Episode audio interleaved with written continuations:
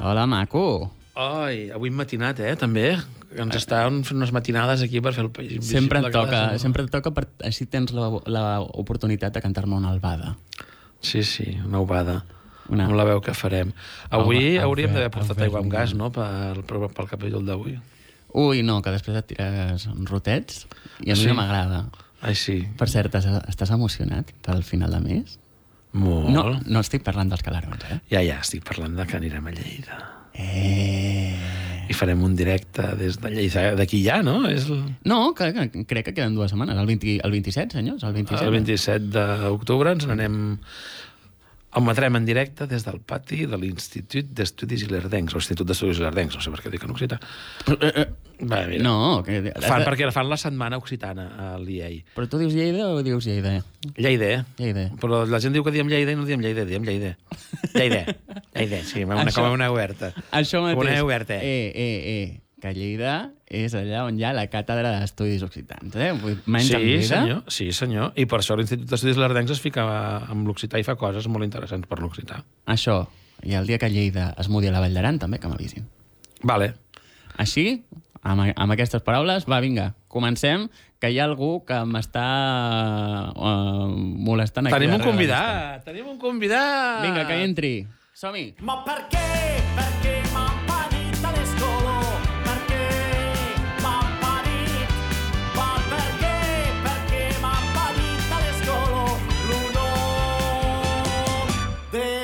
país. País invisible.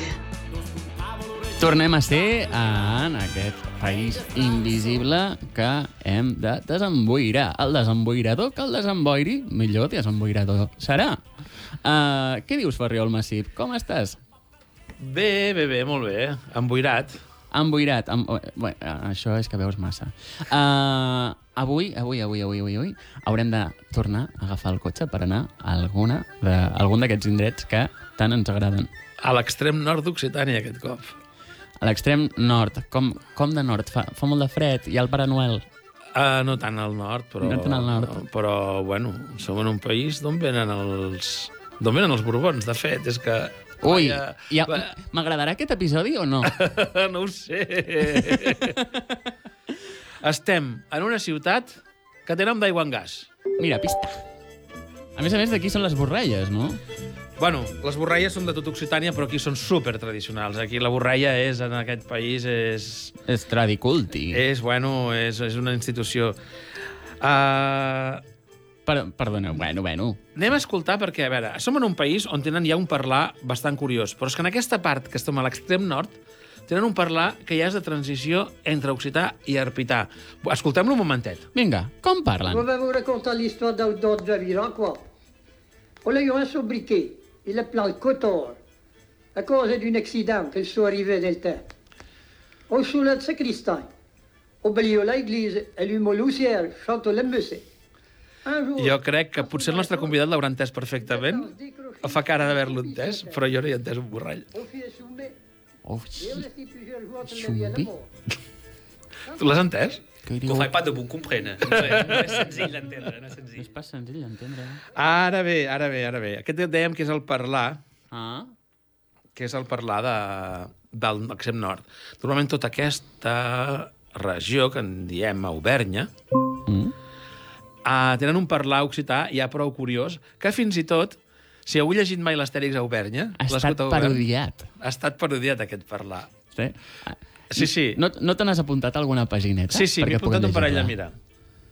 En català, eh? En català. Ah, en català, però és que. A veus, aquí que diu, sense voler ofendre ni ser indiscret, uh, els arverns parleu tots amb aquest accent? Diu, ah, no, nosaltres, els vells parlem així, però els, els joves, això és, no, és una cosa que es perd. Segur, es perd. Dins uns segles ja no hi haurà ningú que, al país arvern que pronunciï les eixes com fem nosaltres, ai las. I surt el, entra el nano. Salut, família! Hi ha salsitxes seques per postres. Diu, ui, sí, veig en efecte que es perd l'accent. Ah, no, no, no, no, és que aquest noi té un defecte de pronunciació. Diu, quin? Diu, parla papixot. És papixot. I encara n'hi ha un altre, potser. canxat. Canxat. N'hi ha... Podem trobar una altra vinyeta d'aquest, Què diu? que, uh, bueno, aquí també és quan, quan veuen... Que els hi fan un plat. Els hi fan un plat, però aquí la gràcia més bona és que el plat és de... Colls. Però colls d'olls amb no sé què, i... Com bolls d'olls. I com es fa? De fet, no és ben bé així el parlar d'Auvernya, però el podem escoltar ara sí. Posem un vídeo que escoltarem la primera emissió que es va fer en Occità d'Auvernya. Atenció, atenció, l'any 1983, el mateix any en què es va estrenar TV3, a l'any de les autonòmiques, a França passava quelcom similar i podíem escoltar per primer cop l'occità a la televisió. Els que veieu, els que escolteu aquest podcast, amb- eh, podcast amb àudio i en vídeo, mireu el vídeo, perquè hi ha la... Veureu en Joan Pere? Bueno, no, no, en Joan Pere no. Veureu el, el Joan Pere Aubernat, però uh, van posant la lletra, van posant les paraules que va dient, per tant, podeu veure com es correspon el que diu amb la grafia, per entendre una mica millor. A la francesa. Som-hi. mieux étonnant aussi parler l'occitan d'Auvergne, le patois, comme disons le monde, à la télévision. Faut dire, la télévision est pas coutumade de parler patois et de parler notre langue. Avec ce cas, qu'il faut, la télévision régionale parlera auvergnat, toutes les semaines, normalement que sera le jour, de cas que sera le vendre. Par le premier cas, vous ferez un magazine que figure réalisé en Auvergne sur le problème de l'Auvergnat. Les autres semaines, chaque cas pas un peu faire une. Les autres semaines, vous passerez de reportages d'autres régions, de Limoges, de province, de Languedoc et de Gascogne. Entre les mouettos, le monde parle un dialecte qui est un peu notre. Et chez de cas, pas d'un fuir, invitera un mouetto de monde que parle un peu de riz comme moi, de riz comme eux, comme disent. Chaque semaine, on fera une information euh, en Auvergnat sobre de choses de besogne de la région. Et n'entends que comprennent un peu trop ce qu'ils disent, qui pas compliqué, mais comme butta un peu de son le poste, et bada la oreilla comme un d'autres que disent. Arrêt, n'envire un reportage réalisé par une équipe de la télévision d'Okuta de Combraille. Reportage sobre le beau i Charvaya, i Charvaya par la tempête domi de novembre, et par dire comment le monde fait que travaille pour sortir le beau, Jean les.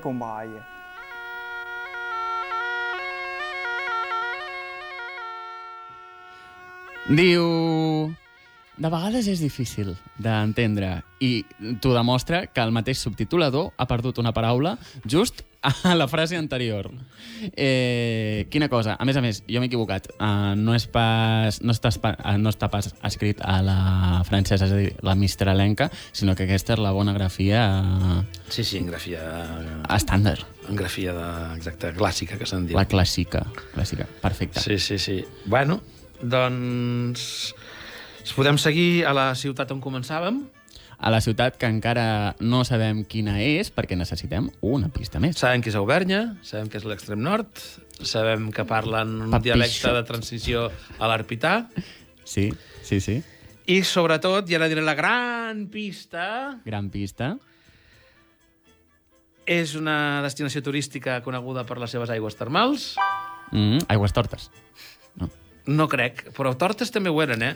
Perquè, Val, a val, més a val. més, uh, va ser la capital de França durant un règim, diguem, feixista, per no dir nazi directament. Mm, fastisca. Uh, el mariscal Petain, col·laboracionista amb Hitler, mentre en Hitler tenia ocupat el nord de França, va fer un estat francès a la Ah. part sud. Sí, sí. Tranquil, que encara no hem arribat a història. Sí, sí, Ja, però, però és una bueno. gran pista. La gran clarament. pista, el senyor Petain, que es deia, ojo, eh, es deia Henri-Philippe Benoni Omer Joseph Petain. I tot això, Henri-Philippe Benoni Omer Joseph és el nom propi. Per això sempre, que sempre parlen del mariscal Petain, dic, per què li diuen mariscal i no el nom propi? I ara ja ho entenc. Clar, i la seva mare, quan el cridava a sopar, què li deia? Ui, sa mare li deia Henri-Philippe Benoni Omer Joseph Petit! ja, saps? És que què li devia dir? Boníssim, boníssim. No ho sé. Què, voleu desvelar? Voleu saber on som? Desvalem, desvalem, desvalem, desvalem. Ho diem a la de 3. Qui sàpiga una mica d'història del segle XX ja sap que som a... 3, 2, 1... Vitxell!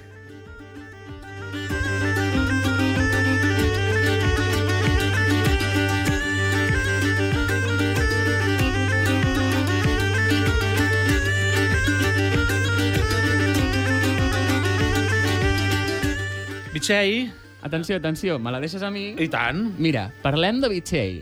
Vitxell, en francès, Vichy, uh, és una ciutat de 26.528 habitants, que s'anomenen Vichysois en francès i Vitxaires en, en occità. A més a més, uh, les noies que ens escolten són unes bones bitxotes.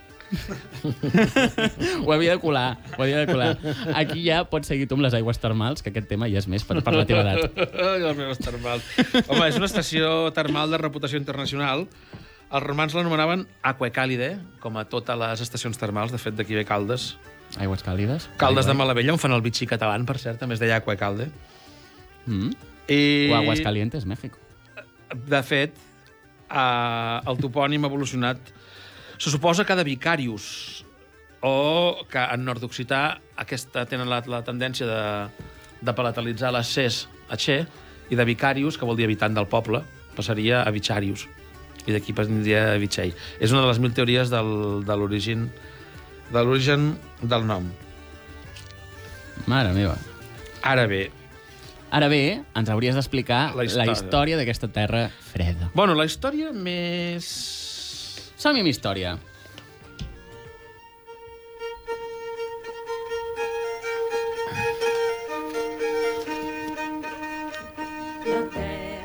La història més recent d'aquesta ciutat eh, havia fet una injustícia. Els habitants de Vichy no volen que es parli de la França de Vichy, sinó que es parli de la França del Mariscal Petain o de l'estat francès, que és com li va dir. Però, en canvi, tothom relaciona Vichy o Vichy amb el règim feixista.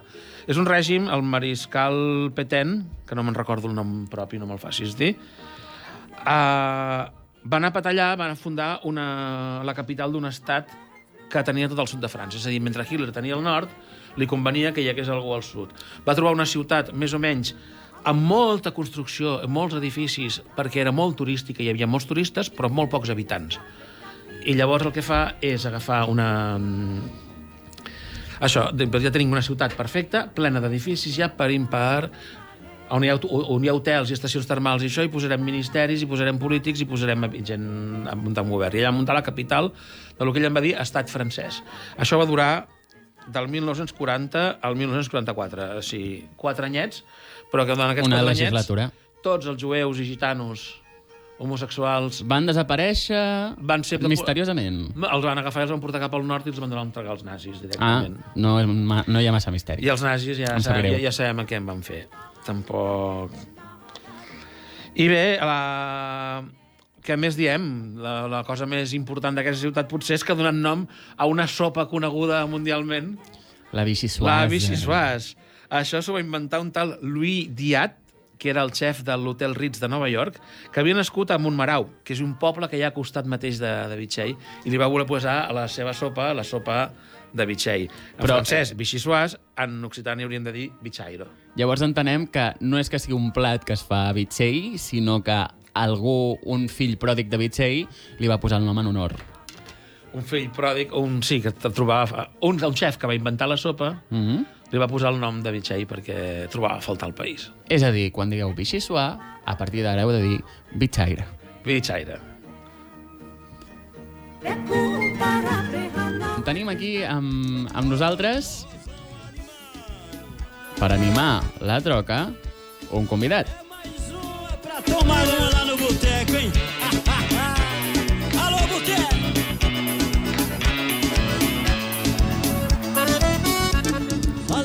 Presentem en Dirac, en eh, Diego. Eh, sincerament, eh, qui més es pot presentar és un mateix. Eh, a mi el Farri m'ha explicat que eh, vas fer un treball de recerca sobre els dialectes nord-occitans, com aquest, que és l'Auvernet, i eh, en el seu moment ja vam entrevistar a BTV en el programa. Uh, però el, el teu treball en aquell moment impressiona tant i eh, és tan rigorós que entre tots eh, es, eh, fan una col·lecta i et paguen l'estada a l'Escola Occitana d'Estiu. Així que, a partir d'aquí és quan comences una carrera de romàniques que et porta a especialitzar-te en els trobadors. M'he deixat alguna cosa? Segur que moltes. Però fins aquí bé, no? Fins aquí, més o menys. Bastant bé, però bueno, una cosa podríem... No, no, matisa'm. Podríem ma- Matisa'm i, i retrobeu-vos. Mira, eh, Farri, te'n Sí, sí. recordaves d'en Didac? Home, sí, el Didac és una que persona que li tinc un carinyo molt especial de tota la vida. Però, clar, en fèieu l'Arenesoc a BTV. En fèiem l'Infoc, llavors, encara, a BTV. És que quan fa? Doncs estem parlant mm, possiblement del 2007, cap a aquesta època, 2006, 2000, 2007. Bé, és, mira... Mare, Ah, mare de Déu. Sí, sí, sí. Has sí. tingut temps per... En occità es diria del temps de les castanyes. Però, sí, sí. Sí, sí, per... t'ha donat temps per fer tres tesis. Bueno, Bueno, No és que cap, o, eh? una, o una ben feta. Doncs no n'he fet cap ni una. des de que en Didac parlava obernat i estudiava els dialectes nord-occitans fins ara, em sembla que han passat moltes coses. déu nhi duret. Sí, sí. Unes Mhm. quantes. Com arribes a, a l'occità? Doncs aquesta història és curiosa. I vaig arribar per, per la desconeixença de la meva professora de català durant l'ESO. I resulta que un dels últims temes que teníem al llibre de català era... No, mentida, de castellà, de castellà. Era la diversitat lingüística d'Espanya, no? I me'n recordo que hi havia uns textos en aragonès, en astorllonès i tal, que deia que eren dialectes de l'espanyol, clar. I llavors hi havia un text en aranès? I, i van passar per sobre, ni, ni en van parlar, ni, i llavors, jo vaig interrompre la classe i vaig preguntar "Eh, professora, què, què ens pot explicar de l'aranès, de l'occità, no? I no en sabia absolutament res, ni una paraula, no? I ella va sortir com va poder de la pregunta, no? La va esquivar, i llavors em vaig quedar amb aquella inquietud. I llavors, en aquella, quan vaig acabar l'ESO, doncs a casa hi havia les típiques enciclopèdies aquelles que anaven venent antigament porta a porta, doncs allà estaven arraconades, no? I llavors un dia, no sé per què, doncs em va agafar la dèria de, de llegir-ne, no? I, i vaig, obrir, la vaig obrir la primera, així a l'atzar, i hi havia l'article Occitània. Eh, I llavors em vaig quedar, vaig dir, ostres, Occitània, què és això, no? I vaig llegir-me l'article i parlava de, de l'aranès. Aquella llengua no, que hi havia en aquell llibre, que a mi m'havia despertat la curiositat i no i no n'havia pogut saber res més. Llavors, a partir d'aquí, era l'època dels fòrums a internet, no? aquella època que tothom escrivia fòrums i s'hi donava d'alta, i havia, vaig trobar un fòrum que es deia Parlar Occità. Eh, vaig comprar-me un curs que era mm, Apprends-moi l'Occitan, en francès, no? Ensenya-me occità, i Teach Me Occitan, en anglès, i era un, un curs molt ben fet amb un CD, a l'època dels CDs, ja fa molts anys, i llavors doncs, el vaig, era per fer-lo en dos, tres mesos i jo el vaig, el vaig concloure en dues setmanes, que tot el dia sencer practicant i practicant. I llavors en aquell fòrum eh, vaig conèixer el Farri. Vam tenir unes quantes converses online i llavors em va dir, escolta, tu on vius? Vaig dir, doncs jo visc a Barberà del Vallès, no? I llavors dir, ostres, aquí a la vora, doncs et vull conèixer. Et va fer un Jordi Pujol, que, que a ell li va molt, això. No, te'n recordes? Sí, allà a Barberà. Hi ha una a- església a la romànica i no A la sé què. cantonada hi ha una casa del gos i sobre la casa del gos hi ha... Hi ha la clau per entrar dins la casa. Ho sap tot de cada lloc. No, no, simplement em va impressionar Sí. i va, li van fer una entrevista per BTV. Però llavors el teu primer dialecte occità eh, devia ser el llengua d'Ossià, o va ser... Vaig la... començar amb la llengua d'Ossià, sí. Clar, en quin moment et, et saltes a l'Albernès? Doncs, com que sóc una persona curiosa de mena, doncs vaig començar a estudiar sobre la dialectologia, no? Sí. I llavors em Ja va... dins de romàniques. No, no, no, no. Encara abans, no, abans d'estudiar romànica, sí, abans, sí. abans. I llavors, doncs, mm, coneixent una mica el llemosí, em va treure molt el llemosí, no? la seva sonoritat tan única, i de cop vaig descobrir l'Auvergnat, no? que ningú... No, semblava que no hi havia ningú a internet que el fes servir, no n'hi havia materials, i, i vaig començar doncs, a descobrir alguns fenòmens que em van deixar el cor robat. És a dir, uns fenòmens únics, únics, molt estrambòtics, amb perdó per la paraula, amb tot el carinyo, no? I llavors em va començar a intrigar tantíssim que vaig començar a fer recerca, recerca, anar comprant materials, i així doncs el vaig començar a aprendre. déu nhi Llavors acabes fent romàniques. Sí, filologia romànica. Filologia romànica. Què t'ensenyen en filologia romànica?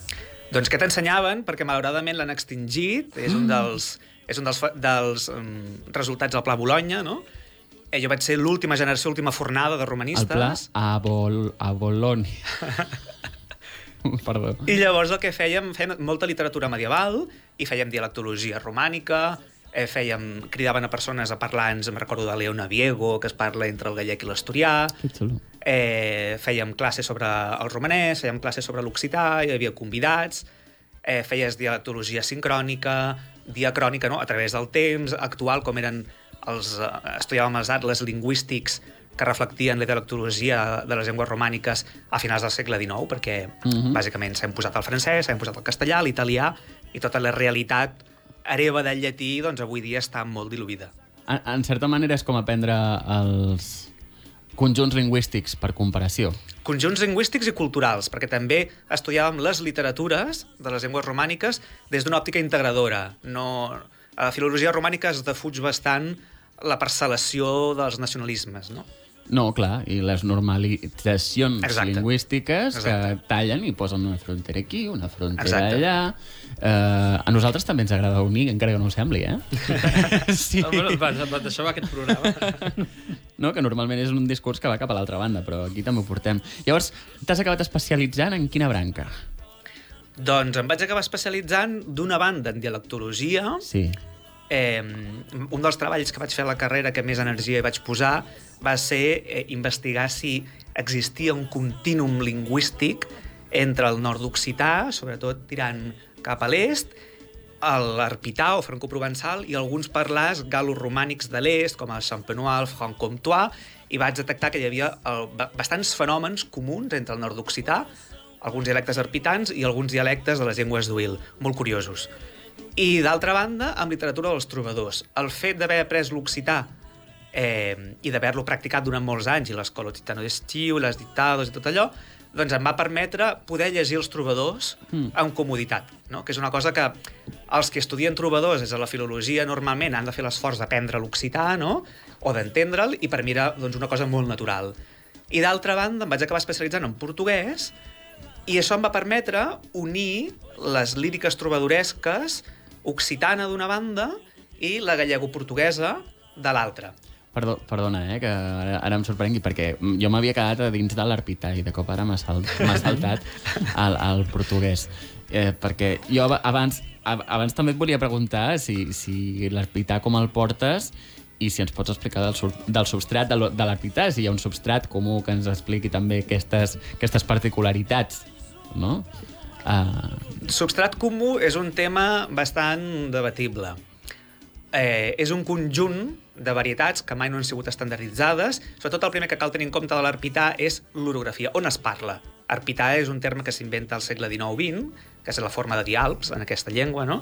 I clar, un terreny tan, tan, tan, tan accidentat, amb tantíssimes muntanyes tan altes i tantes valls tan aïllades entre si mateixes, parcel·lades entre diferents estats, clar, mm, és normal que sigui un conjunt de llengües amb tantíssima varietat interna que d'una vall a l'altra és molt difícil que es puguin entendre els parlants per, aquesta, per aquest terreny tan muntanyant que tenen entre, entre els estats italià, eh, francès...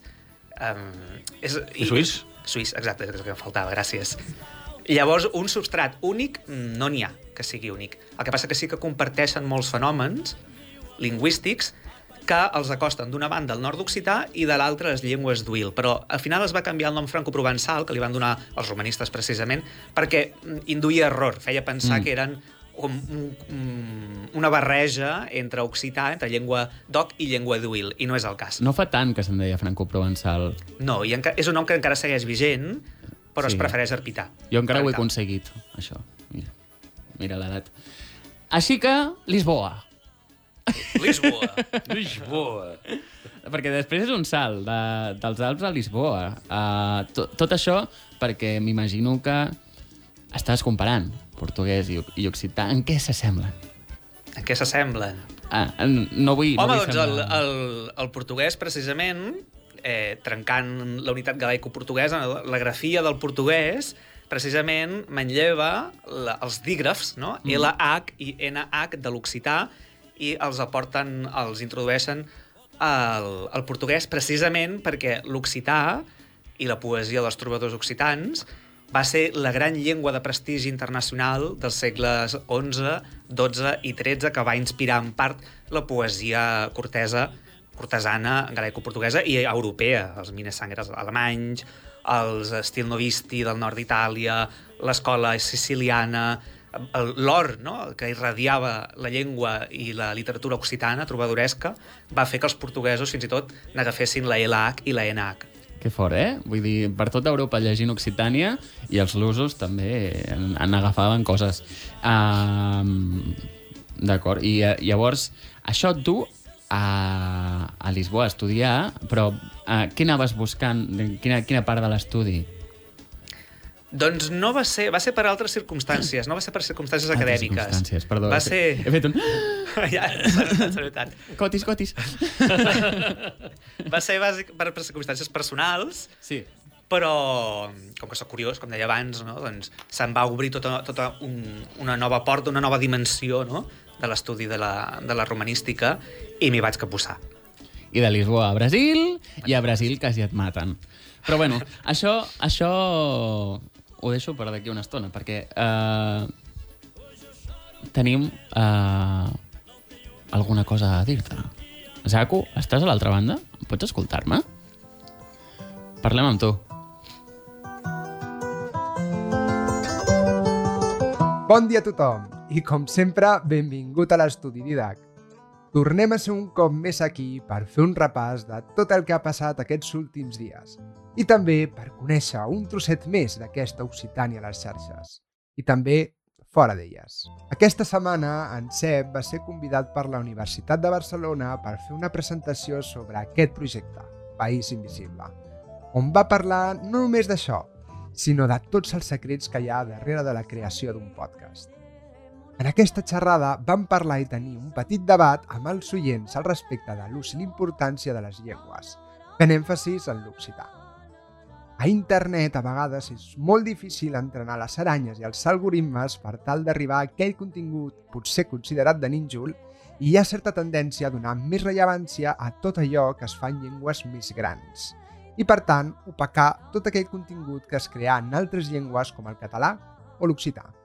Vam parlar de la importància de seguir creant i consumint contingut en diverses llengües i també de l'aparició de plataformes que impulsin això mateix. En aquest sentit, avui voldria ensenyar-vos a tots aquells que no ho conegueu encara la plataforma digital Doctele.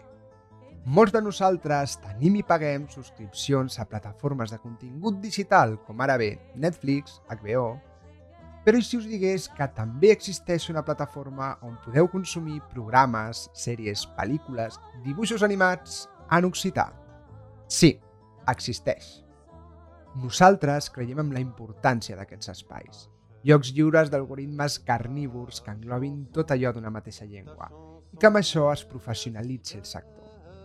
Al final, tot és una roda. Com ben s'explicava el CEP l'altre dia a l'UB, si no es consumeix contingut, no n'hi ha de nou. I si no n'hi ha de nou, no n'hi ha demanda. I si no hi ha demanda, no hi ha nous creadors. I això és una roda.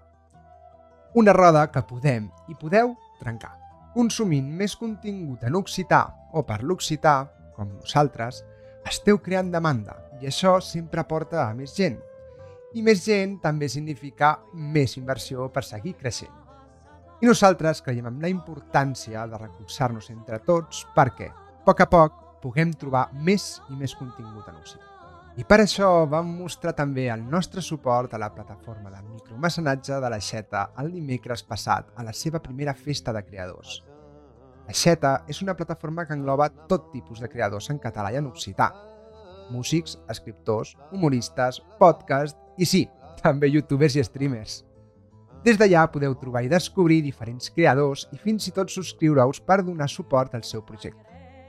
Com no podia ser d'altra manera, País Invisible ja fa un any que hi som i compartim els nostres pensaments i novetats a través dels butlletins disponibles per a mecenes. Us animo a fer una ullada. I continuant amb plataformes de contingut, aquesta setmana s'acaba el plaç per votar als Premis Vivox. Tots aquells que ens escolteu des de iVox i els que no també, no us oblideu de votar a País Invisible en aquests premis. Us deixarem l'enllaç per aquí baix perquè ho tingueu molt fàcil. Correu, que ja s'acaba el plaç. Ah, i per cert, no voldria avui marxar sense abans recordar a tothom que aquest proper divendres 27 d'octubre tindrem un programa molt especial en directe de 3 hores amb l'Anna Geli, presentadora del podcast de Sons Occitans, al pati de l'Institut d'Estudis Silardencs, a Lleida. Podreu seguir el nostre programa en directe a les 5 de la tarda per Twitch o per YouTube. Però també podreu venir a veure'ns en directe. Hi ha espai per tothom. Ara sí, us deixo de nou amb l'entrevista d'en Didac, perquè això no fa que posar-se cada cop més interessant. Fins aviat! Doncs eh, seguim al País Invisible després d'una secció de xarxes. Eh, ara estem amb l'Alberniat, l'Alberniat que es parla al nord d'Occitània, a Vitxell, on va haver-hi una república.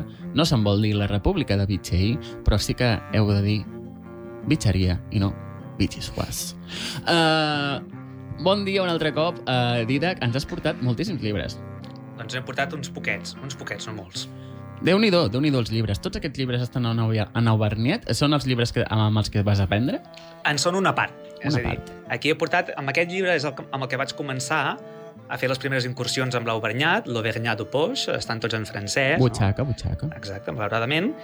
I um, una de les primeres coses que vaig veure del, de l'Auvergnat és que és un conjunt de, de dialectes amb unes diferències enormes entre, entre ells a nivell de fonètica. No?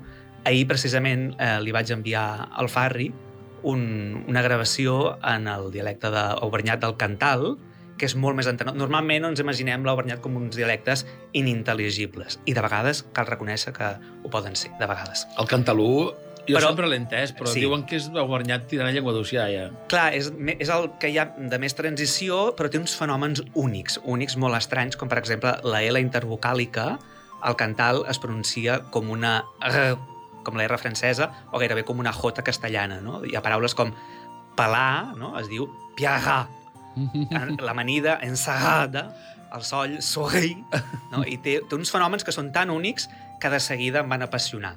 Què, Curiós. què més en podríem dir? Eh, quan abans estàvem veient l'Astèrix, no?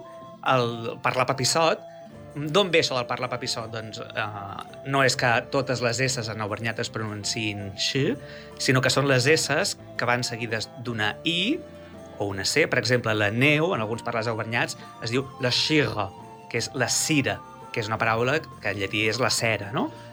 Eh, lo silenci, és a dir, quan tenim una I o, o seguida, eh, precedida d'una S o d'una Z, fonèticament, no? escoltar, sentir, sentir, en occità llengua d'oceà, augir, doncs en albanyat això fa augir, no? es sonoritza augir. I, però no és en tots els casos, no, no és un és que parlin papissot els, els No, auvergnesos. silenci és la paraula paradigmàtica. Silenci, lo silenci. Silenci. Plaît. Silenci, xiplai, exacte. I després unes palatalitzacions que ja són més del nord. Achí. Abans, eh, achí, achí és la forma de dir aquí, lo xut, que és el gripau, que s'escriu amb una C-U, i després hi ha unes palatalitzacions que són molt estranyes, que és el grup llatí CL o FL, que en el cantar l'FL, la flu, és la FSUR, una FS, que és una cosa estrambòtica, i la CL, en el nord de l'Auvergnat, palatalitza gairebé com l'italià. Llavors, Clarmunt, Clarmunt d'Auvergne, és Clarmunt o Clarmunt d'Auvergne. I és un fenomen, com abans, recuperant una mica el tema del, del continum lingüístic que jo vaig estudiar a la carrera, aquesta palatalització la trobem també en molts dialectes arpitans, la trobem en, en dialectes com el franc-comtois, fins i tot fins a la Xampanya I a la franja. I a la Franja, exactament. És brutal, que també diuen ploure. Sí, sí, ploure. Quina franja? A la franja de Ponent en català diuen clà, La clau. la clau, La clau. la clau o ploure. I amb aragonès Exacte. de l'altra banda, també d'aquella banda també. Sí, sí, i que és com l'italià, la chiave. La chiave. Chiuso. Sí, sí, exacte. És, sí, sí. Uau. És impressionant. I què més? I, bueno, aquests, eh, hi ha un mètode que és parlar a la ubernyesa, parlar ocitó. No? Aviam, Que és ensenya la càmera. On és la càmera? Ah, aquella. Ah, no, aquesta, aquesta. Allà, aquí, Perdó, no? aquesta, És aquí. aquesta. Sí. Parlar ocitó de Txena Cuder és un mètode, mètode prou interessant i després, com a curiositat, filològica sobretot, he portat el, eh, el Diccionari General d'Auvergnat. Eh, aquest és d'Auvergnat francès i després hi ha el de francès Auvergnat, que no els he portat perquè pesen molt. I aquests, com a curiositat, Tutxana, tutxana. pertanyen al, al que es diu le cercle, le cercle o cercle de la Char d'Auvergne, que és el grup secessionista, perquè evidentment els secessionismes existeixen per tot arreu, Secessió. igual que hi ha els blavers al País Valencià Mhm. o hi ha la norma mistraliana a la, a la Provença, doncs a la- a l'Auvergne també existeix el, el cercle, que fan una revista que es diu Gisa Negra, Gisa és la forma de dir un vent del nord o el nord. La llàstima d'aquest grup és que han fet molts treballs molt bons. molt treball de camp, molts enregistraments als parlants naturals del nord de l'Auvernya, i han publicat aquests diccionaris que són una joia, però tenen una norma, que se'n diu la norma bonaudiana, que sincerament no hi ha qui l'entengui. Però què li passa a la norma? És com la del Balear, no has vist mai el dialecte? Exacte, sí. L'escriptura que proposen els, els No Bonelles per escriure el Balear, Sí, sí. la llengua balear, que fan una, totes amb circunflexes i, Exacte. i dièresis i coses rares per, per diferenciar-ho molt i llavors Clar, però, que no... per voler marcar molt Ah, exacte. tots els Però accents... aquest matí no, és curiós perquè en, en aquesta persona, el Karl-Heinz Reichel, és un filòleg romanista, que és l'únic romanista famós que proposa que l'auvernyat sigui una llengua, però curiosament aquest matí parlàvem amb Farri que ja al segle XVIII, evidentment els trobadors, hi ha Pere d'Alvernya, que és un dels grans trobadors clàssics del segle XII, que mm, ell parla dels trobadors a tot arreu sense cap mena de consciència de ser diferents ni res, no? Però ja hi ha l'escriptor eh, Ravé, eh, com es deia Charles, pronunciat a la, a la guarnesa, Charles Toine Ravé, que el 1800, no me'n recordo quin, quina dècada, ja li escriu eh, una letra d'un poeta auvergnà a un poeta de la Gascunya. I li escriu a Jean Semin, precisament, parlant sobre la llengua, sobre la unitat de la llengua i altres temes, mm, demostrant que hi havia una consciència d'unitat que aquesta gent no sé per què, per què venen ara a dir que és un idioma. Mm, ja, Clar. ja. Jean Semí és el gran poeta de gent, el gran poeta genès, i aquesta consciència lingüística, unitat lingüística hi ha estat sempre, i quan se la volen carregar és perquè és per motius polítics, bàsicament. I per localismes, no? Diuen que... Però és que en aquesta vall no ho diem així, però és que això és un fenomen que passa a tot arreu i sempre ha passat. No, no, sempre hi ha localismes. A mi em va fer molta gràcia un cop a, a la Genès, justament, que em, que em deia, no, los carcinols los compreni pas perquè dis un gaità i ho dis i agachar. I jo pensava, ah, i si no els entens perquè ho diuen així de l'altra manera, com saps que això vol dir allò? Com ho has pogut relacionar, Com ho has no? pogut relacionar? Això és com dius, posa'm un quilo de pastanagues. Diu, posa-li carlotes a esta dona que jo no l'entenc. Ah. I, I com ho sabies, que les volia, saps? Doncs el mateix, sí, sí. Aquí també t'hi has trobat, no? Sí, sí. Aquí també l'hem trobat. I amb el l'occità passa molt... Bueno, passava moltíssim. Ara hi ha la gent que, la gent que fa l'esforç per aprendre la llengua, perquè ara mateix la transmissió intergeneracional només queda a la Vall d'Aran, em sembla, Mm. doncs la gent que fa l'esforç per aprendre la llengua té més consciència. Parlem, però, d'una història mm, Tu abans impactant. que a Brasil quasi el maten en Didac. Sí, bé, per poder-ho entendre hem de poder eh, veure una petita campanya que li va muntar una amiga seva. Hola, sóc l'Alba, tinc 20 anys. Bé, vinc a demanar-vos una cosa, però per això vull explicar-vos una història.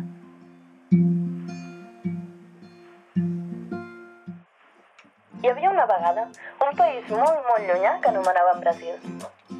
Durant l'última dictadura brasilera, del 1964 al 1985, anticomunista i on els propietaris de terres i els empresaris també desitjaven el control de la crisi econòmica, el grup indígena Guaraní Kaiowá van ser expulsats de les seves terres pels fazendeiros, grans terratinents i propietaris del gran capital internacional de l'agronegoci, sucre, soja i blat de moro. La democràcia s'instaura el 1985 i a poc a poc amb els anys, els indígenes guaraní Kaiowá diuen bé, ja ha passat la repressió i l'amagar-nos com rates i viure com el cul per poder sobreviure. Tornem cap a casa, no? I així, feliços, agafen les coses i tornen cap a casa. Però no tot és tan fàcil. Els fazenderos no són estúpids. Saben que s'han apropiat d'uns terrenys físics que ara ja els han tastat seus i abans que res els donaran diners per viure, com deia deixador, de puta madre. Però i què fem? Aquests primitius de carnaval ens amenaçaran amb llances. Doncs portem pistoles. I així, els fazenderos van contractar els jagunços, altrament coneguts com paramilitars. I quina és la seva feina? Massacrar. Massacrar. Massacrar.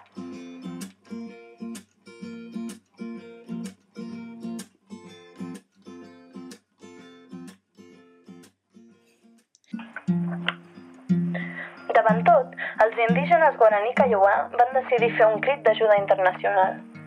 Però són petits, molt petits, que no vol dir dèbils, i el seu crit només anava arribant a grupets petits de persones que feien el que podien.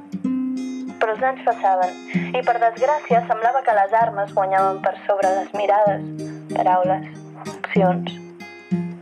Els murs pujaven de número, tant pels atacs armats com per la lliure elecció de suïcidi per part dels Guarani Kaiowà, al veure que res els hi anava a banda de no ser reprimits i assassinats per tercers.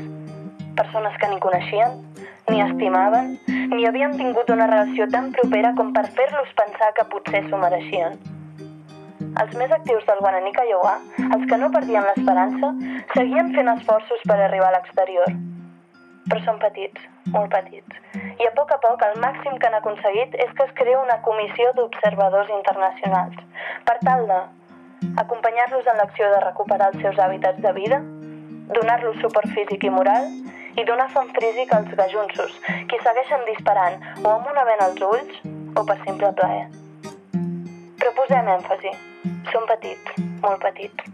I les seves veus han arribat a un màxim de 20 persones que estan disposades a fer aquesta acció. A tot això, aquestes 20 persones internacionals, occidentals, són tots brasilers, excepte un estranger. I aquest estranger és en Didac, un amic meu, un noi català de Barberà del Vallès que va marxar aquest agost a Brasil per fer un Erasmus d'un any de durada. Tot hippie ell, però sempre somrient i un amor de persona, amb un cucú desbordant i sobretot amb un cor més gran que qualsevol pinyol. I en Didac es troba entre ells, volent canviar una mica cap a bé al món. Amb aquesta vintena d'occidentals brasilers, el 21 de desembre van marxar cap a Tauquara, a l'estat de Mato Grosso do Sul, prop de Paraguai, per arribar-hi el dia 22. El procés dura des del 22 de desembre fins al 5 de gener. No tenen comunicació amb ningú, no tenen aliments, habitatge, condicions ambientals ni sanitàries. I, evidentment, ni llum, ni internet, ni mòbil, ni WhatsApp.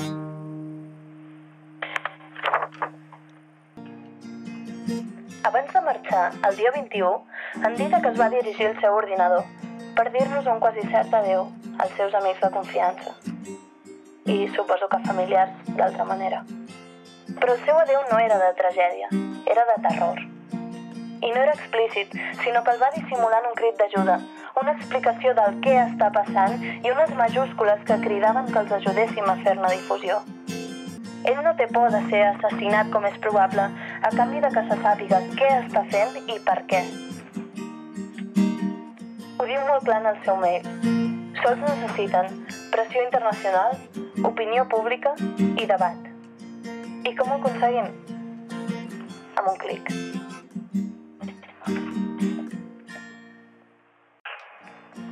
A vegades no tenim consciència del que passa a l'altra banda del món. Restem aquí, el que coneixem com casa nostra, amb les llumetes, sopars i somriures i regals pel voltant. En realitat no està tan lluny això de casa nostra, però malgrat tot, la felicitat abstracta ens enlluerna. Però això és un altre tema. El cas és que en Didac està en moltes vides i no ens demana que el salvem, només ens demana que en parlem. Que tan sols ho difonem, ni que no ens interessi, ni que només sigui el moment de oh, quina pena, quina desgràcia. Sols que apretem un botó. Compartir al Facebook, retuitejar al Twitter i no sé quines altres opcions hi ha, però malgrat tot, que collons, que no fa falta ni deixar un comentari amb opinió si és que no la tens. Parla d'en Didac, sisplau. Ja no és per mi, que igualment no en trec res, sinó per l'esforç que ell està fent per la vida de tantes altres persones, que alhora comparteixen món amb nosaltres. Jo no us demano que agafeu l'avió cap al Brasil, ni que us feu subscriptors de res, ni que pagueu ni deixeu les vostres dades bancàries ni telèfons mòbils. Sols ho compartiu. Perquè així generi opinió pública, arribi a la diplomàcia el que un noi d'aquí està en perill de ser disparat i mort per uns fazendeiros que sols viuen per la defensa dels seus terrenys apropiats d'unes persones que, malgrat no viuen en el sistema que entenem, tenen ànima i cor. I així farem pressió al Brasil, que es veurà forçat a donar explicacions i deixar de recolzar els terratinents, que fan de pistolers ells mateixos. Els fazendeiros estan vigilant el procés i tenen por que s'internacionalitzi. Així acaba el correu d'en Didac. I jo us demano, si us plau, parlem d'ell. Uh, uau, no? Clarament, clarament. Doncs aquesta amiga teva va fer un, un crit de reconeixement al, a, a que t'hi havies bàsicament jugat la vida al, al Brasil uh, per raons polítiques per poder protegir també als, a, als indígenes, no? Uh, voldries explicar-nos com, per què, per què vas anar a fer d'escotomar al Brasil? Qui, qui, qui, qui, qui, qui, qui en el seu seny? Quines voltes que fa la vida, eh? Quines voltes? Sí, sí. Quines voltes? Aviam, eh, és complicat d'explicar. Primer de tot, gràcies a l'Alba, que és la, meva amiga que va fer el vídeo, al Farri també, que em va fer molta difusió. Jo he de reconèixer que quan vaig, quan vaig sortir de l'aldea Taquara, que és l'aldea on vivien ells a, l'estat de Mato Grosso do Tu Sul, havies anat a conèixer uh, els guaranís. Aviam, no, jo els vaig conèixer a la Universitat de Sant Paulo, m'hi vaig Sí. anar fer una estada d'un any, i de cop i volta va aparèixer allà un cartell enganxat a la facultat eh, sobre una, una mm, cacic indígena del poble guaraní Caiauà que vindria a fer-nos una xerrada. Jo vaig pensar, oh, oh que exòtic, no? Veure una, una persona indígena que que ve És, un, és una trampa, no hi vagis dir que és una trampa. Una trampa a la qual hi vaig caure, evidentment, de cap. Llavors, quan hi vaig anar, jo pensava que seria una cosa d'explicar-nos una mica d'antropologia, doncs no, no va ser evidentment això, evidentment això va ser la Valdelis, avui dia és una amiga, no? que és una de les cacics del poble indígena Guaraní Caiauà, que ens va venir a explicar tot el drama que estaven vivint, que han viscut i que segueixen vivint els pobles indígenes i en aquest cas el poble Guaraní Caiauà al Brasil. Ens va ex- explicar mm, coses dramàtiques, violacions, segrestos, assassinats. Ens en va ensenyar fotografies Mm. de cadàvers fins i tot, del seu pare que l'havien enganxat amb una corda a un cotxe, el van, el van estar arrossegant, bueno, fin, el van cremar fins i tot. Llavors, clar, després d'això, com et quedes, no? Mm -hmm. I ella es va quedar una estona en silenci i va dir, ara que heu vist això, què en fareu? És a dir, us n'anireu a casa tranquil·lament o jo us demanaria que us impliquéssiu una mica amb, això, no? I llavors, quan es va acabar tot i, i la, la gran major part de la gent se'n va anar, ens vam quedar unes 15 persones que vam, vam constituir el, un comitè de solidaritat amb el poble guaraní Caiauà. I vam començar a preparar, tot en secret, perquè no es podia publicar enlloc, ni internet, ni xarxes, ni res, eh, vam començar a preparar l'estada que vam dur a terme al Nadal de l'any 2012, crec que va ser, eh, amb els, allà a la, seva, a la seva aldea, per intentar fer una resistència de les seves terres, perquè havien rebut la informació que els jagunços, que són els sicaris contractats pels fazendeiros, que són els terratinents, els matarien. És que és, és una guerra del terror, vull dir, si tu envies a sicaris, però a més a més perquè ho facin de les maneres més eh, pertorbadores possibles, avui en dia existeix el mòbil immobiliari, però com que passa en un terra civilitzada, en ciutats com Barcelona, eh, i una història passa, passa desapercebuda, eh, no s'arriben a fer aquestes mutilacions o aquesta, eh, aquests assassinats violents que poden haver-hi a l'Amèrica del Sud eh, en plena selva. El problema és que aquí pot passar desapercebuda el mòbil immobiliari, però és que a Brasil passa desapercebut qualsevol crim contra un indígena. Per Mm. això van decidir anar-hi no, gent no indígena. I tots eren brasilers, i que el primer cop que hi hagi un europeu entre ells, jo crec que va portar molta força. No, hi ha molt de, hi ha molt de supremacisme de pensar que els, els indígenes eh, encara, encara se'ls pot se- se'ls pot equiparar una mica com als, als animals. Us en recordeu quan els negres no tenien ànima encara, Sí. que la van guanyar al segle XX? A través de, no sé, amb el vot. amb el vot també van rebre l'ànima. Doncs aquí passa el mateix. Vull dir, per quina raó una persona que ha viscut sempre tranquil·lament a la seva aldea eh, de cop ha de lluitar contra un perill tan bèstia com pot ser una multina- multinacional, Perquè vol plantar govern. soja eh, allà on tu vius. Exacte. És, és una pervivència, un desplegament encara de la conquesta d'Amèrica. Són mm. dinàmiques que porten segles i segles, no?, perpetuant-se. I en el cas, com diu el Farri, en el cas dels, dels indígenes brasilers, eh, primer de tot tenim la dictadura brasilera, no?, del 64 al 85, o del 65 al 84, no me'n recordo mai, eh, que en aquest cas es van vendre moltes de les terres dels, dels indígenes, no?, a grans terratinents, evidentment els indígenes, encara que portin 40.000 anys vivint en aquelles ter terres, no tenen un contracte de compra-venda, llavors ja els, els van envair bona part de les seves terres. Però avui dia el que passa és que són grans multinacionals que mm, busquen plantar, plantar soja uh, i blat de moro a les seves terres. Primer va ser sobretot el blat de moro, a l'època mm. que jo vaig anar, per fer-ne biocombustible, no? Que té gràcia, té gràcia la història, Sí, sí, fer sí. biocombustible expulsant a indígenes que viuen en simbiosi amb la selva, llavors què fem? Talem la selva, matem els indígenes que, hi- que hi volen resistir i plantem blat de moro per tenir biodièsel verd aquí enganxat als autobusos. És, capita és capitalisme verd. Sí, sí, és sí. capitalisme verd. I després, quan la soja es va posar de moda, ara tot Brasil exacte, soja. Exacte, llavors es va canviar el blat de moro per la soja. I la soja, mm, sobretot, eh, per, per mantenir el bestiar, no? perquè un dels grans exportadors de carn de tot el món és el Brasil, i la carn, com que tothom vol menjar carn 5 dies o 6 dies a la setmana i embotits i, i McDonald's, no? doncs per tenir carn barata, accessible per la classe treballadora, ha de ser molt barata, perquè sigui molt barata cal tenir grans extensions mecanitzades de producció de soja i si hi ha indígenes i selva pel mig, doncs ho sento molt, però se n'han d'anar. I si no se'n volen anar, doncs aplicarem tots els mètodes que siguin necessaris. És terrible. Uh, jo recordo que uh, el, el 2012 haver jugat a jocs flash d'internet, perdoneu per la baixada de, de nivell, eh? però que vull dir que realment crec que d'alguna manera començava a haver-hi consciència s'intentava moure. Eh, vaig jugar un joc que era eh, jugar a ser el CEO de McDonald's eh, i havies de gestionar diverses coses entre campanyes de publicitat, els cultius, i eh, la idea era que tu veies que fessis com fessis, perdies diners, l'única manera de guanyar diners era desforestar l'Amazones i, eh, com es diu, eh, subornar els alcaldes. Matar indígenes ja no sortia, no? No, matar indígenes no sortia, però sí que sortia matar les vaques, sortia tot el tema dels escorxadors, intentar desenvolupar eh, la, la, les selves mares de les vaques, tot aquest tema. Tot, tot sortia malament, l'únic- l'única manera de guanyar era desforestar Mm. i la corrupció. Era l'única manera de, de, de guanyar el joc. Eh, que són els serious games, que se'n diu. saps? Sí, sí. Eh, ja, ja la sang. Jo li volia preguntar a en Didac si tu t'has enfrontat a algun jagunso. No sabria dir si m'hi vaig enfrontar o no. És a dir, nosaltres quan hi érem, pel fet de d'haver-se sabut que hi havia, que érem unes quantes persones allà fent-los suport, ja no es van atrevir. És a dir, no, no van venir a atacar directament, però sí que va venir un jagunso del Paraguai. Què passa? La frontera del Paraguai és molt a prop. I el Paraguai és l'únic país d'Amèrica Llatina on hi ha dues llengües oficials, una de les quals és, és indígena, que és el guaraní, no? Mm. Llavors tothom parla guaraní. Què fan els... Què, què acaba passant al Brasil? És una cosa molt perversa.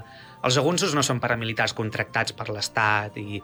No, no, no. Els jagunsos eh, són, normalment són persones del Paraguai pobres, de les pitjors zones, més analfabetes, amb més gana, amb més necessitat, amb més atur. Llavors, els representants dels fazendeiros no, se'n van al Paraguai i contracten, paguen bastants diners, fesos de calés, els hi donen passaport, els hi donen una sèrie de beneficis a canvi de matar quatre bugres, que ja se'n diu. Un bugre és un... no Com és en un- occità. És com un animal. Com sí, occità. Com en occità. Com en sí, occità. Sí, sí. Sí, però és a dir, no, els indígenes no són persones, són bugres, no? I llavors el que fan és, um, això, agafen a les persones més necessitades, més... I, i això és un jagunso. I llavors, quan jo hi era, va vindre un...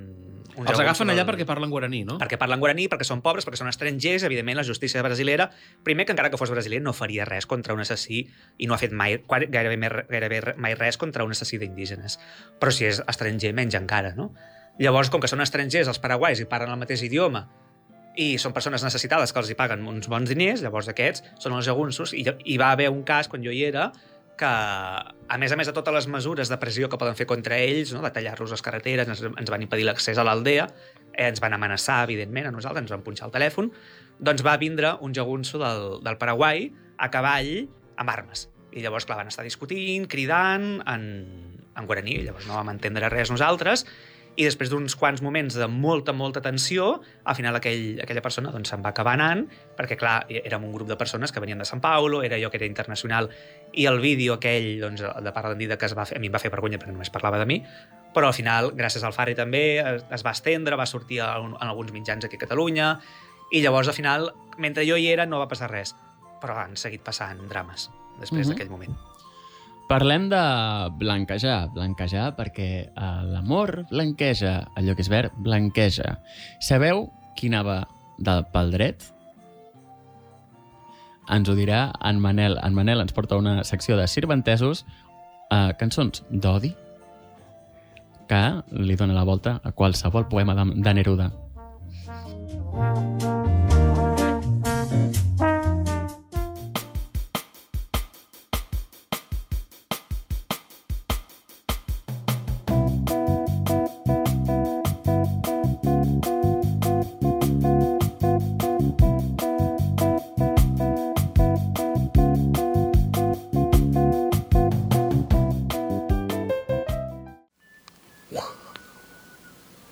Bebenov, no trobes que un autor cal exigir-li sinceritat? Sinceritat i compromís.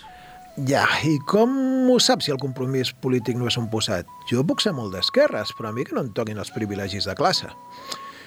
Finto, ara que estem sentint Joanda cantant Pablo Neruda, em ve al cap la seva oda a Stalin. Joanda ha fet una oda a Stalin? No. Neruda, Premi Nobel de Literatura i Premi Stalin de la Pau, va escriure una oda a Stalin, amb dos collons. Tothom pot tenir un mal dia. Va salvar la vida de milers d'exiliats republicans espanyols. Mm, cert, Beonov. Hi ha un llibre en aranès sobre això, Es mateixes esteles, et Winnipeg enta Chile, que és un llibre de lectura fàcil escrit en català per Núria Martí Constans i traduït a l'aranès per Xavi Gutiérrez. I què tal? Doncs no ho sé, és de lectura fàcil i jo sóc més aviat de, de lectura difícil. Però tornant a Neruda, posa l'altre plat de la balança que Neruda va ser un comunista burgès e mai foguet un profetxaire i un fet nacier putassier. Joan, de te respecte i llibertat, m'estàs deixat collonar per Neruda. Doncs a mi els poemes de Neruda m'agraden.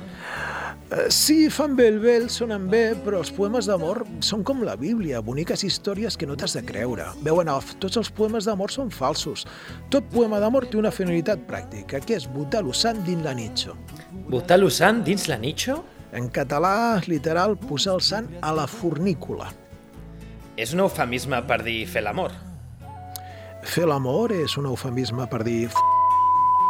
fullejar. Després d'aquesta pausa motivada per la censura, avui us parlaré d'un cantautor catalano-occità ben autèntic. Autor de poemes d'amor? No, autor de poemes d'odi. Aquests sí que te'ls has de creure. Off, perdona. Canvia la música que m'estic ratllant. Punxa, sisplau, la cançó que ve després. Ok, ja la tens. Hòstia, millor. Cantaré mentre m'està el xantaré ni lleiau. Saps, veu en off, enguany commemorem 20 anys d'aquest disc. Guillem de Berguedà, obra completa musicada per Francesc Rivera Titot, amb la col·laboració de 31 músics més. La música que estem sentint és de Biel Majoral. I per tu, Guillem de Berguedà és un autor autèntic. I tant! Això són Sirventes, una cançó d'odi dedicada al vescomte Ramon Fol de Cardona. I ja que hi som, també fot a parir Arnau de Preixens, que era bisbe d'Urgell. Sabent que la cançó és anterior al 3 de març de 1175, perquè aquella és la data en què Guillem de Berguedà va assassinar a traïció Ramon Fol de Cardona. El va assassinar? Sí, és clar, no t'he dit que li havia fet aquest poema d'odi. Si un dia, cal que sigui conseqüent amb el seu odi. Guillem de Berguedà no era un coi de raper bocamoll, era un senyor de la guerra com cal, un senyor de la guerra amb estil i formació. Segur que havia estudiat el trivi i el quadrivi. Què és això? Què és això? Pels que no passaran de l'ESO. Trivi, gramàtica, lògica i retòrica, quadrivi, aritmètica, geometria, música i astronomia. I a banda d'això, Guillem de Berguedà va aprendre a lluitar i a matar nobles a traïció. Però això suposa que no era ensenyament reglat, que va ser de manera autodidacta. I quan va haver assassinat Ramon Foc de Cardona, va deixar de fer sirventesos, doncs. No, també estava enfadat amb Pere de Berga, que era el seu veí, i amb Pons de Mataplana, amb Arnau de Preixens, bisbe d'Urgell, ja s'ha dit, amb Alfons I d'Aragó, i a tots ells va dedicar-los algunes subtilitats. Pel meu gust, les millors són les dedicades a Arnau de Preixens, bisbe d'Urgell. Coita, i adius no camp d'Ampolla, ni el Fort Castell de Noia, ni el Palais d'Hostalric, Sants Quetxant la Granolla, no el trac vieig a la colla del bisbe Fals Mendic. O sigui, que en Déu no en doni Vilanova d'Espolla, municipi de la Torre de Claramunt, ni el Fort Castell del riu Anoia, que pot ser el Castell de Piera, que pot ser el Castell de Cabrera de Noia. Si abans que canti la granota no em mascula el bisbe Fals Captaire. Com que les granotes comencen a cantar al març, això vol dir que aquests bons desitjos devien ser formulats a l'hivern, suposo. Què vol dir amacular? Vol dir capar integralment. La polla i els ous van fora. Zabala? M'has pausat de qüestió, eh? Si ho es passa bé, demandes pas. I escolta aquesta cançó dedicada a Pere de Berga. Eu no cuidavo chantar carrasun un avío, mas Arnaus del Vilar, ma més era en l'avío. Que usí l'autriet clamar de mon sogre ab sa corona, que il no il det a l'uranona del peix e fes l'amagar. Difícil d'entendre. Ah, tens raó, tradueixo i explico. Jo no pensava cantar perquè no tenia motiu, però Arnau del Vilar ara m'hi ha posat en camí, perquè l'altre dia vaig sentir queixar-se de mon sogre amb sa corona perquè no li va donar peix a l'hora nona i el va fer amagar.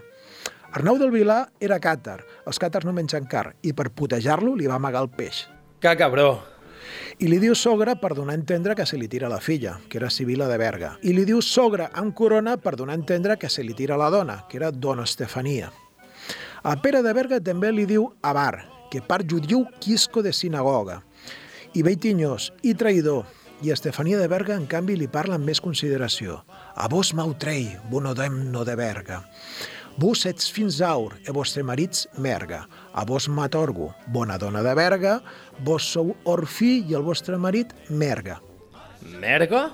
És que si escrius merda perds la rima consonant. Ben pensat. Sembla que aquest home vivia com una estrella de rock. Sí, sí, sense rock and roll, però en grupis. Això li va costar algunes amistats. La vida de Guillem de Berguedà diu que lungas a solo mantengueron seis parents e seis amics, mas pi l'abandonaron tutes per su que tu que tutes los escuguset e de les mullers e de les fillos e de les cerus. Durant força temps el van mantenir els parents i els amics, això com va ser un fugitiu per culpa d'aquell assassinat de no res, eh? però després el van abandonar tots perquè a tots els va fotre les banyes amb esposes, filles i germanes. No! Les dones, germanes i filles dels amics són sagrades. Era la seva naturalesa. Veu en off. Cal acceptar la gent tal com és. Va escriure un cop Plus gai que reineto en fun, que sense aigua no podria estar sana, plus que lleu d'amor un dia de la setmana. Igual que la granota està contenta a la font, que no ho estaria sense aigua, jo no podria estar sense amor un sol dia de la setmana. I això justifica això altre.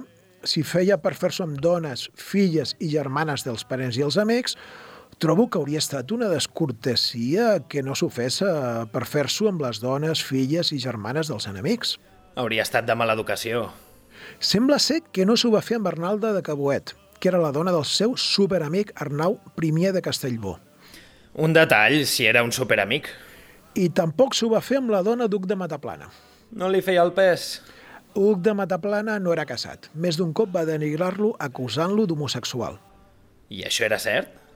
Probablement, en qüestions de separació entre Església i Estat i en qüestions de separació de genitals de bisbe i bisbe, Guillem de Berguedà era molt progre. En canvi, en qüestions LGTBI es devia trobar encara més a la dreta de Vox. Era un medieval, què vols? Doncs ara l'edat mitjana torna. Vols dir que hem canviat gaire? No. Anem tancant, oi? Per llegir Guillem de Berguedà, quines edicions ens recomanes? N'hi ha dues de molt bones, Guillem de Berguedà i altres trobadors, obra poètica, introducció, traducció i notes de Climent Forner, que és el primer llibre que va editar Edicions de l'Albí. L'altre és Poesies del trobador Guillem de Berguedà, text, traducció, introducció i notes per Martí de Riquer, de Quaderns Crema, i la versió musicada de Titot. És de disc medi i es pot escoltar a Spotify. Alguna cosa que creguis que calgui dir? Sí, feu per no fer-vos-ho amb les dones, les filles, les germanes dels altres, que després la gent s'emprenya. Guillem de Bergueda va morir assassinat als 57 anys, per encàrrec i a traïció. Ane, al cop que ve. Com ens deia en Didac Cerezo, el, el dialectòleg, els parlants, els parlars nord-occitans són, així, a grosso modo, tres grans dialectes. El llemosí, el vivarè, l'albernès, perdó, eh, o auverniat, o el, vivar, el vivaroalpí, el que es parla als Alps. Uh, justament en aquest darrer gran dialecte, que va des del vivarès fins a les balades del Piemont, uh, i tenim la cançó amb la qual tancarem aquest fantàstic episodi uh, i que és interpretada pel grup Cucanya. És un grup uh, tot femení de polifonies uh, realitzat uh, per la Lila Freise, l'amic uh, l'amic uh, Bedel, la Caroline Dufau, produït per Paul Refri. Uh, les cantants de, de Cucanya, com es deien? Es deien... Eren la Caroline, La Lila la Lila Freise. i me'n falta la tercera. Mentre escoltem la cançó, busquem la tercera component de Cucanya.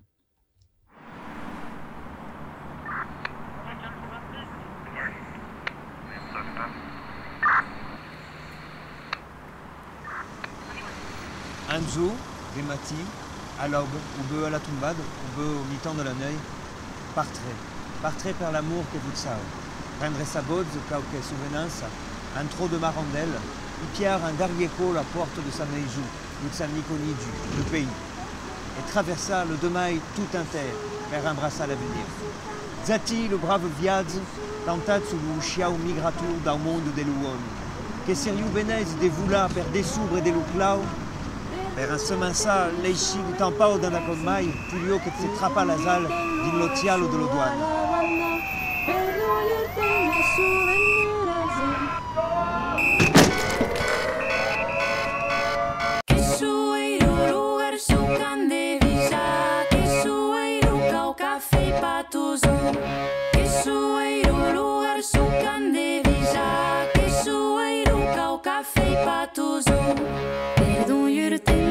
Yurten lugar su a la aduana Perdón yurten e su venyurarzen Perdón yurten lugar su a la aduana Perdón yurten e su